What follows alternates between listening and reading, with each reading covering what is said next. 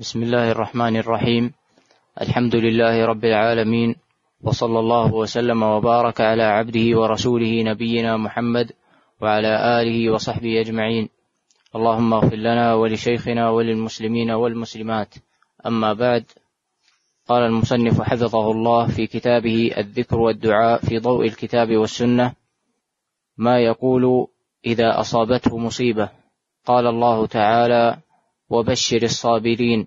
الذين إذا أصابتهم مصيبة قالوا إنا لله وإنا إليه راجعون. أولئك عليهم صلوات من ربهم ورحمة وأولئك هم المهتدون. الحمد لله رب العالمين وأشهد أن لا إله إلا الله وحده لا شريك له وأشهد أن محمدا عبده ورسوله. اللهم صل وسلم على عبدك ورسولك. نبينا محمد وآله وأصحابه أجمعين. أما بعد ما يقال عند المصيبة أو ما يقوله من أصابته مصيبة. اولا المصائب والابتلاء بها سنة ماضية في العباد. أن الله سبحانه وتعالى يبتلي في هذه الحياة بأنواع من الابتلاءات. يبتلي بالخير ويبتلي بالشر. نبلوكم بالشر والخير فتنة. فيبتلي بالصحة ويبتلي بالمرض. يبتلي بالغنى ويبتلي بالفقر. يبتلي بالحزن ويبتلي بالفرح. يبتلي بالبكاء ويبتلي بالضحك يبتلي بالسراء ويبتلي بالضراء. وليس في الناس إلا من هو مبتلى. والابتلاءات أنواع. فهذه حال الدنيا. لكن المؤمن في كل هذه التقلبات والأحوال للدنيا أمره من خير وإلى خير. ولهذا قال عليه الصلاة والسلام عجبا لأمر المؤمن إن أمره كله خير وليس ذلك لأحد إلا للمؤمن. إن أصابته سراء شكر فكان خيرا له وإن أصابته ضراء صبر فكان خيرا له. وقول الله عز وجل ولنبلونكم بشيء من الخوف والجوع ونقص من الأموال والأنفس والثمرات وبشر الصابرين. الذين إذا أصابتهم مصيبة قالوا إنا لله وإنا إليه راجعون. أولئك عليهم صلوات من ربهم ورحمة وأولئك هم المهتدون. في هذه الآية أخبر جل وعلا أنه يبتلي عباده. بأنواع من المحن والصنوف من الابتلاءات ليتبين الصادق من الكاذب والجازع من الصابر بشيء من الخوف والجوع الخوف من الأعداء والجوع بنقص الغذاء ونقص من الأموال. وهذا يشمل جميع أنواع النقص التي تلحق المال. كذلك النقص في الأنفس بذهاب بعض الأولاد أو بعض الأقارب أو بعض الأصحاب. كذلك يدخل في نقص الأنفس المرض الذي يصيب الإنسان في في بدنه. وهنا ينبغي أن نتنبه إلى فائدة مهمة جدا في الباب أن حظ المرء من المصيبة هو بحسب ما تحدث له من أثر. بحسب ما تحدث له من أثر من أثر. فان رضي فله الرضا وإن سخط فله السخط. ولهذا أول ما ينبغي أن يبادر له المرء في المصيبة هو الصبر الذي امتدح الله سبحانه وتعالى أهله ووعدهم بأعظم بشارة. قال وبشر الصابرين. وبشر الصابرين بماذا لم يذكر ليتناول كل خير في الدنيا والآخرة. قال عز وجل أولئك أي أهل الصبر عليهم صلوات من ربهم ورحمة وأولئك هم المهتدون. قال عمر بن الخطاب نعم العدلان ونعمة العلاوة. وكلمة إنا لله وإنا إليه راجعون هذه كلمة استرجاع وهي ملجأ للمصابين وعصمة للممتحنين. وإذا وفق المرء في مصابه وابتلاءه إلى المبادرة إلى هذه الكلمة فهذا من أمارات التوفيق ودلائله.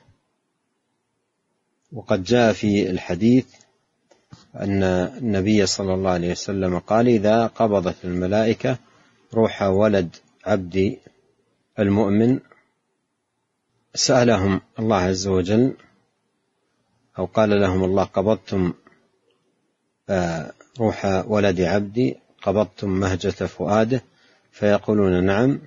فيقول الله عز وجل وهو أعلم ماذا قال عبدي؟ قال فيقولون حمدك واسترجع. حمدك أي قال الحمد لله. واسترجع قال إنا لله وإنا إليه راجعون. قال الله عز وجل أبنوا لعبدي بيتا في الجنة وسموه بيت الحمد. ولهذا ينبغي للمرء عند المصيبة مباشرة يحمد الله ويسترجع يقول إنا لله وإنا إليه راجعون. قال وعن أم سلمة زوج النبي صلى الله عليه وسلم قالت سمعت رسول الله صلى الله عليه وسلم يقول ما من عبد تصيبه مصيبة فيقول إنا لله وإنا إليه راجعون. اللهم أجرني في مصيبتي واخلف لي واخلف لي خيرا منها إلا أجره الله في مصيبته وأخلف له خيرا منها. قالت فلما توفي أبو سلمة قلت كما أمرني رسول الله صلى الله عليه وسلم فأخلف الله لي خيرا منه رسول الله صلى الله عليه وسلم. هذا الحديث حديث أم سلمة رضي الله عنها أنها قالت سمعت رسول الله صلى الله عليه وسلم يقول ما من عبد تصيبه مصيبة. فيقول إنا لله وإنا إليه راجعون. اللهم أجرني في مصيبتي واخلف لي خيرا منها إلا آجره الله في مصيبته وأخلف له خيرا منها. هذا حديث عظيم جدا وفيه فضل الاسترجاع وعظيم ثوابه عند المصيبة عندما يبتلى المرء بمصاب. يبادر إلى هذه الكلمة التي آه، تقدم أنها وردت في القرآن أن أن أنه يشرع المسلم أن يقولها عند المصاب وبشر الصابرين الذين إذا أصابتهم مصيبة قالوا إنا لله وإنا إليه راجعون. وهذه الكلمة ينبغي أن نتأمل فيها إنا لله وإنا إليه راجعون. تتضمن أصلين نافعين جدا للعبد عندما يصيبه المصاب. الأول أن يتحقق العبد ويوقن أن نفسه وأهله وماله وولده ملك لله فهو الذي أوجدهم وهو الذي يتصرف فيهم كيفما شاء سبحانه. وهذا نستفيده من قولنا في الاسترجاع إنا لله جميعنا عبيد لله مماليك له تحت تصرفه يقضي فينا بما يشاء ويحكم فينا بما يريد. والأصل الثاني أن يعلم العبد أن مصيره إلى الله ومرده إلى الله. كما قال الله تعالى إن إلى ربك الرجعى وأن إلى ربك المنتهى. فلا بد للعبد أن يخلف الدنيا وراءه ويلقى ربه فردا كما خلقه بلا أهل ولا مال ولا عشيرة. وإنما يأتي بالحسنات والسيئات. وهذا مستفاد من قوله وإنا إليه راجعون. وهو إقرار من العبد بأنه راجع إلى الله سبحانه وتعالى وأنه سبحانه سيجازيه على ما قدم. فإذا قالها المصاب على هذا الوصف أعني مستحضرا للمعنى محققا المدلول كان فيها أعظم النفع وأكبر الفائدة له. قال وعن صهيب رضي الله عنه قال قال رسول الله صلى الله عليه وسلم عجبا لأمر المؤمن إن أمره كله خير وليس ذلك وليس ذاك لأحد إلا للمؤمن. إن أصابته سراء شكر فكان خيرا له وإن أصابته ضراء صبر فكان خيرا له. هذا الحديث فيه أن المؤمن مبتلى في هذه الحياة ولا بد. مبتلى بالسراء ومبتلى بالضراء. مبتلى بالشدة مبتلى ومبتلى بالرخاء. لكن أمره في ذلك كله إلى خير كما أخبر عليه الصلاة والسلام. قال عجبا لأمر المؤمن إن أمره كله خير. إن أمره كله خير. ثم فسر ذلك. قال إن أصابته سراء شكر فكان خيرا له. وإن أصابته ضراء صبر فكان خيرا له. لأن المؤمن يعلم أن هذا وهذا كله ابتلاء.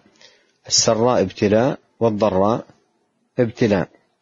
فهو في السراء يجاهد نفسه على أن يفوز بثواب الشاكرين وفي الضراء يجاهد نفسه على أن يفوز بثواب الصابرين. فهو في سرائه وضرائه وشدته ورخائه فائز. قال المصنف حفظه الله ما يقوله من عليه دين. عن علي رضي الله عنه أن مكاتبا جاءه فقال إني قد عجزت عن مكاتبتي فأعني. قال ألا أعلمك كلمات علمنيهن رسول الله صلى الله عليه وسلم لو كان عليك مثل جبل صير دينا أداه الله عنك. قال قل اللهم اكفني بحلالك عن حرامك وأغنني بفضلك عمن سواك. ما يقوله من عليه دين؟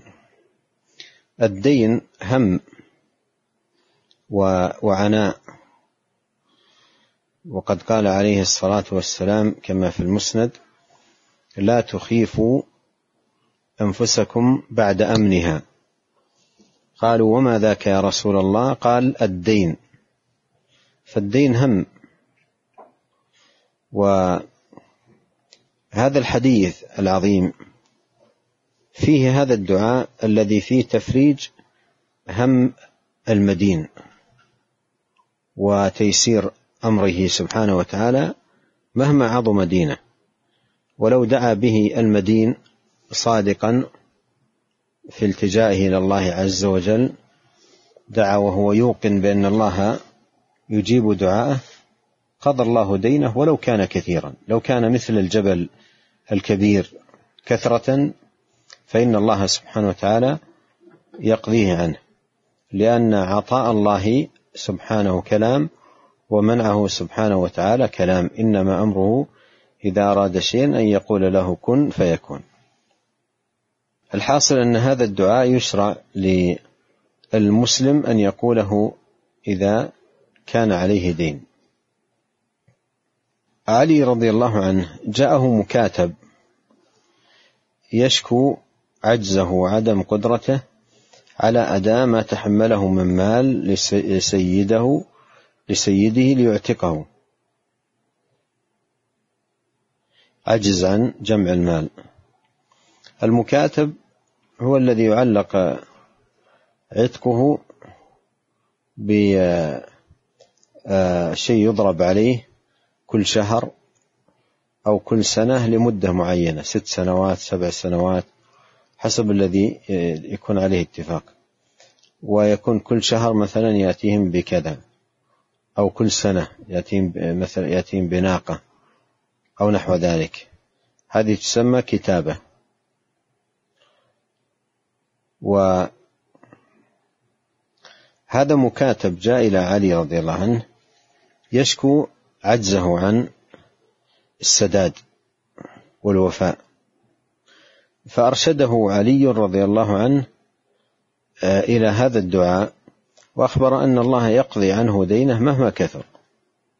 فينبغي العبد أن يتلقى هذا الخبر بالتصديق والإيمان وأن يفعله بتصديق وإيمان. قوله اللهم اكفني بحلالك عن حرامك اكفني بحلالك أي أغنني بالحلال واجعلني مستغنيا به مكتفيا. وأغنني بفضلك عمن سواك أي اجعل ما تفضلت به علي من الرزق مغنيا لي عمن سواك فلا أفتقر إلى غيرك ولا التجي إلى أحد سواك. وهذا فيه أن العبد ينبغي أن يكون مفوضا أمره إلى الله سبحانه وتعالى معتمدا عليه في كل شؤونه وجميع أموره. لكن لا بد مع الدعاء من بذل السبب. والسعي الجاد لسداد الدين وقضائه والحذر من المماطلة خاصة إذا كان عند الإنسان شيء من المال يستطيع أن يوفي به ولو بعض حق الدائن. فإذا بذل السبب وعلم الله نصحه وصدقه وحرصه هيا له من أسباب التوفيق ما لا يحتسب. روى الإمام أحمد في المسند عن عائشة قالت قال رسول الله صلى الله عليه وسلم ما من عبد كانت له نية في أداء دينه إلا كان الله إلا كان له من الله عون. وعن ميمونة رضي الله عنها عن النبي صلى الله عليه وسلم قال ما من أحد يدان بدين فعلم الله منه أنه يريد قضاءه إلا أدى الله عنه في الدنيا. فالحاصل أن العبد إذا صدق مع الله في عزمه وصلحت نيته تيسرت أموره وأتاه الملك باليسر والفرج من حيث لا يحتسب. ومن صح توكله على الله تكفل الله بمعونته وسداد أمره وقضاء دينه. أصلح الله سبحانه وتعالى أحوالنا أجمعين ووفقنا لكل خير وهدانا إليه صراطا مستقيما. وصلى الله وسلم على عبده ورسوله نبينا محمد وآله وصحبه أجمعين.